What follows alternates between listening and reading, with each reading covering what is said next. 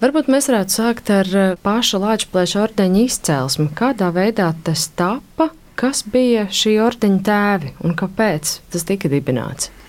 Mārtiņ. Nu, par ordeņa tēviem parasti eh, dēvē trīs cilvēkus.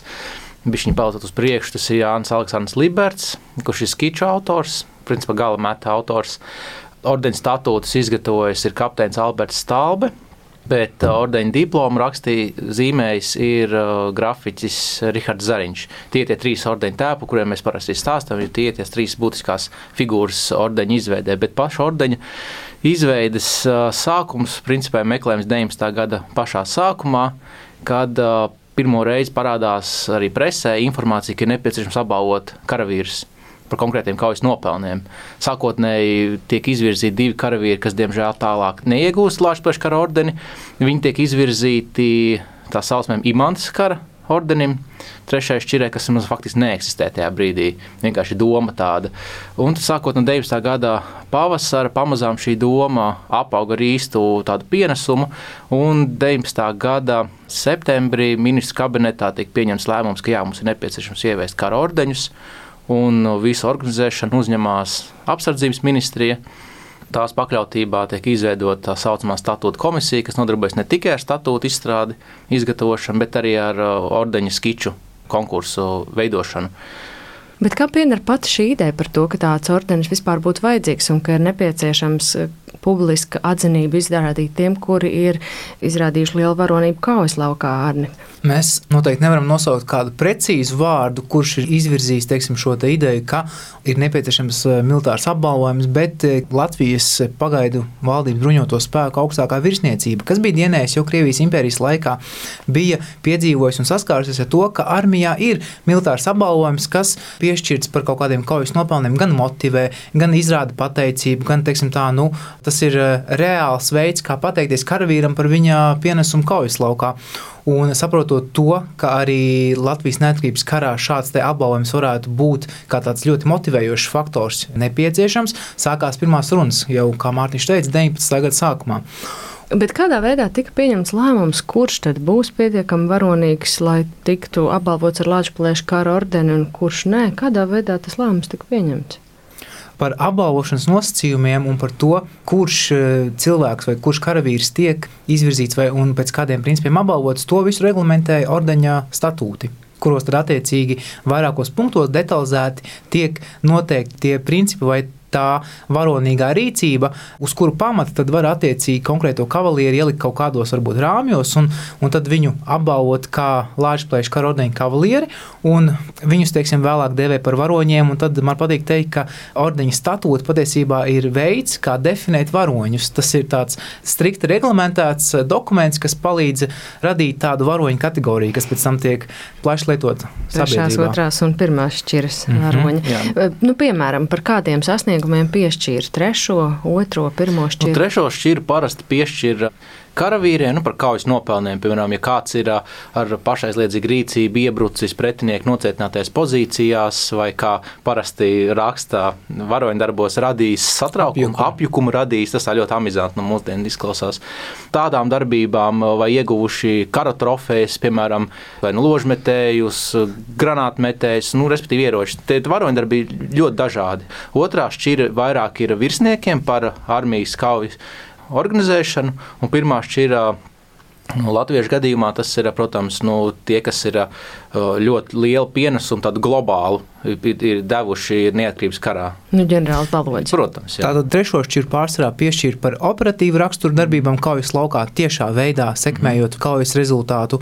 Otro šķiru par taktiska rakstura darbībām, tāpēc to pārsvarā saņēma augstāka ranga armijas virsniecība. Un tad pirmā šķira, kā jau Mārtiņš teica, ir saistīta tieši ar tādiem nu, plašāku rakstura arī militāriem un ne tikai militāriem sasniegumiem. Man bija liels pārsteigums uzzināt, ka starp pirmās šķiras ordeņa saņēmējiem no ārvalstniekiem ir arī tā brīža Itālijas premjerministrs Benito Mussolini. Kāpēc? Tas jautājums mums vienmēr, katru 11. novembrī, tiek uzdots.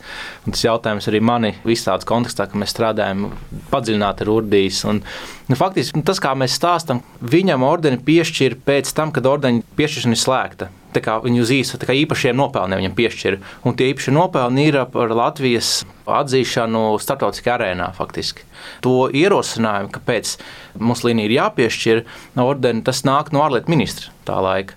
Diemžēl man arhīvā nav izdevies atrast pagaidām to vēstuli, kurā ir norādīti konkrēti iemesli, kāpēc viņam tiek piešķirts. Bet uh, ordeņa doma savos protokolos norāda to, ka vienbalsīgi piekrīt uh, ārlietu ministra norādītajām iemesliem, kāpēc jāpiešķir uh, ordenis Musolīnī.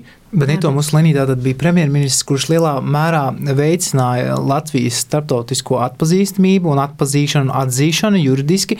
Un tajā pat laikā Itālijas premjerministra amatā varēja būt kāds cits. Un, attiecīgi, visticamākais, ka šis ordenis tiktu piešķirts tam konkrētajam politiķim. Līdz ar to es gribētu tikai teikt, ka Benito Musolīni saņēma par konkrētu darbību, par šo e, Itālijas e, diezgan skaidri definēto pozīciju Latvijas starptautiskās de jure neatkarības izcīnīšanā un, un, un, un atzīšanā. Bet vai par to parasti nepiešķir triju zvaigžņu ordeni? Mums jau tomēr Latvijas kara ordenis ir par nu, sasniegumiem kara laukā. Nu, Latvijas ne tikai pa kara laukā sasniega, jo viņš arī darbojas kā diplomātskais ordenis kādu laiku. Ja mēs paskatāmies citas pirmās šķiras apbalvotos kavalierus, piemēram, Beļģijas karalis Alberts I vai, vai pats Itālijas karalis Viktors Emanuels III, viņiem arī diplomātiski iemesli dēļ piešķir jo tas ir tas pirmais un prestižākais ordenis, kas arī ir. Un ilgstoši jau arī Latvijas ordenis ir vienīgais apbalvojums, ar ko mūsu valsts var kādu citu apbalvot. Teiksim, trīsvaigžņu ordenis jau tikai tika izveidots 1924. gadā. Tādējādi tas kaut kādā ziņā ļoti loģisks solis, ka to pirmo augstāko apbalvojumu piešķir, lai izrādītu arī to valsts pateicību lielā mērā, ka mēs piešķiram šo te, jo Latvijas kara ordenis viennozīmīgi ir prestižākais apbalvojums, ko ir saņēmusi tikai neliels skaits iedzīvotāju Latvijā un neliels skaits cilvēku kopumā, un tas tādējādi parāda, ka tā grupa, kas to saņem, ir ļoti elitāra. Cik vispār Latvijā cilvēku saņēma šo astoņu gadu laikā, no 20. līdz 28. gadam Latvijas kara ordeni? Latvijā to saņēma vairāk nekā 1600. 1620 šķiet, ka ir tas pats precīzākais skaitlis. Kopā ar ārzemniekiem, kas ir apbalvoti, tad tas kopējais skaits ir 2116 cilvēki. Jūs teicāt, protams, ordenis tika izveidots, lai izteiktu pateicību par varonību kaujas laukā un motivētu karavīrus, bet nu, atzinība, gods un slāva, protams, ir laba lieta, bet vai tas bija vienīgais, kas nāca līdzi šim ordenim, vai bija arī kaut kāda nu, tāda, teiksim, tā praktiska jēga, kāda ir materiāla labuma priekšrocības ordeņa kavalieriem? Atšķirībā no citiem ordeņiem, kas pēc tam gan trīs zvaigžņu, gan viestura, gan atzinības krusts, Latvijas ordenim reāli ir tas papildus pienesums, ko viņš dod. Jo tev nāk klāt privilēģijas, piemēram, tev ir lielāka priekšrocība agrārās reformas laikā iegūt zemi, Protams, zemi deva arī strēlniekiem, un, un tā, bet tev ir tās tā saucamās pirmās kategorijas zemes, tev var iedot. Tad arī sabiedriskā transporta braukšana ir krietni lētāka. Viņi brauc ar tām saucamajām bērnu biļetēm. Izglītību viņi iegūst arī bez maksas. Tas 30. gados faktiski nāk tikai klāt, ka ne tikai ordeņa kaulietis, bet arī viņa bērni var iegūt izglītību bez maksas valsts mācību iestādēs. Tad arī viņi drīkst formas tērpu nesāt arī pēc atvaļināšanās no armijas. Un, un no stāstiem dažādiem uh, ir dzirdēts un arī lasīts, ka Lāčplēša ordeņa kavalieri nevairījās izmantot arī savu šo te vārdu, ka viņi ir šī ordeņa kavalieri un nesēji, un dažkārt pat, teiksim, ejot iestāties darbā, viņi esot šo minējuši kā argumentu, lai, piemēram, pieprasītu lielāku algu. Tas, protams, uh, ir grūti šobrīd pierādāms, taču ir atmiņas, ir, ir gan, gan, gan konkrēti kavalieru bērni to minējuši, ka viņu vecāki tādā veidā ir tikuši labākā maizē, labākā pozīcijā. Un, uh, ņemot vērā arī to, ka Latvijas kara ordeņi kavalieri tiek eh, lielā mērā arī ar mēdīju palīdzību, teiksim tā, padarīti par tādu kaut kādā veidā elitārā grupu sabiedrībā, par viņu paveikto varonīgo rīcību, tad eh, es domāju, ka tas nav arī nekāds pārsteigums, ka šie ordeņa kavalieri kaut kādā ziņā arī nu, izmantoja savu statusu. Jā. Daudz, protams, arī no kavalēriem ir ļoti redzami arī pēc tam. Viņi, teiksim, daudz no viņiem turpina dienas armijā, daudz no viņiem kļūst par politiķiem vai, vai, vai izveido redzamus kultūras darbinieku vai zinātnieku karjeras. Un, teiksim, liela daļa no šiem ordeņa kavalieriem pēc tam ir ārkārtīgi būtiski un aktīvi Latvijas sabiedriskajā dzīvē, gan Latvijas laikā, gan arī pēc tam trimdā. Un šajā izstādē, kas pašlaik skatām Nacionālajā vēstures muzejā 11 varoņu stāstu, kuru jūs abi esat veidojuši, jūs esat izvēlējušies eh, to stāstu par Latvijas ordeņa kavalierim izstāstīt caur 11 dažādiem, ļoti dažādiem dzīves stāstiem. Mēs jau runājām par to, ka bieži vien par šiem Latvijas kara ordeņa kavalieriem tika radīts tāds varonības oreols un, protams, ne bez pamata, bet tie likteņi izvērtās ļoti, ļoti dažādi un lielā mērā arī stāsta par pašas Latvijas ļoti sarežģīto vēsturi. Kas jums bija tie lielākie atklājumi un pārdomas veidojot šo izstādi un pētot šos kavalieru dzīves stāstus? Nu, mūsu tā sākotnējā iecerē bija izvēloties šo pieeju, koncentrēt uzmanību uz ordeņa kavalieru dzīves stāstiem, atkāpties no kopējās vēstures uz individuālo vēsturi. Pārnest tā teikt, uzsvars no viena vēstures, varbūt skatījuma perspektīvas uz otru, uz šo individuālo vēsturi, uz individuālu dzīves stāstu un biogrāfisko pieeju. Un eh, šķiet, ka tas lielākais atklājums izstādes tapšanas gaitā bija tas, cik šo te ordeņa kavalieru nozīme un cik ļoti šis ordeņa kavalieru status un tas, tas gods, ko viņi iegūst saņemot šo ordeni, ir bijis noturīgs visam 20. gadsimtam cauri. Varētu šis varbūt jocīgi, kāpēc mēs runājam par tādiem no 20. līdz 28. gadam pastāvošu ordeņa apbalvotiem dažiem tūkstošiem karavīru vai, vai cilvēku, kas šo ordeni ir saņēmuši, varbūt varētu tas šķist no tādām mūsdienu pozīcijām mazliet, mazliet neizprotam, bet ņemot vērā to, ka šie kavalieri bija cilvēki, kas cīnījās Latvijas neatkarības karā, tātad vienā no visbūtiskākajiem Latvijas vēstures posmiem, tad eh, man bija pārsteigums, kā šo cilvēku vārds un kā šo cilvēku varbūt, darbības nozīme ir saglabājusi tik lielu varbūt, eh, tādu akcentu punktu visas Latvijas vēstures ritējumā līdz pat mūsdienām. Es saprotu, ka 40. gadā bija pat plānots atjaunot šo Latvijas kara ordeņu piešķiršanu, tuvojoties Otrajam pasaules karam, un tas, protams, netika izdarīts. Līdz ar to šis pirmais Latvijas kara ordenis arī palika kā tāda neatkarīgās Latvijas zīme un simbols savā veidā. Un es pieņemu, ka ienākot okupācijas varai, Latvijas kara ordeņa kavalieri ir viena no tiem, kas pirmie varētu krist nežēlastībā. Kāda ir viņu likteņa vispār pēc okupācijas? Droši vien, ka šeit jārunā ir varbūt tādā otrā pasaules kara kontekstā un represiju rakstura kontekstā pret šiem kavalieriem. Jo pēc mūsu aprēķiniem, otrā pasaules kara laikā un arī pēc otrā pasaules kara padomju represiju rezultātā cieta ap 440 ordeņu kavalieru kas Latvijā šeit dzīvoja. Tostarp gan arī padomju represiju, gan arī nacistiskās Vācijas izvērsto represiju laikā. Tātad eh, šie kavalieri bija, protams, viena no pirmajiem, kurus arī attiecīgi represēja. Bet tas arī lielā mērā pateicoties tam, ka viņi bija ļoti aktīvi darbojušies arī pēc eh, ordeņa saņemšanas, teiksim, 20. un 30. gados. Daļa no viņiem ir bijusi augsta ranga virsniecība armijā, daļa no viņiem ir bijusi iekšlietu struktūrās strādājoši, arī robežsardzē strādājoši, un tādēļ arī tas ir bijis vēl papildus motivātors faktors, lai varbūt padomju okupācijai sākoties, daļa no šiem kavalieriem paņemtu ciet.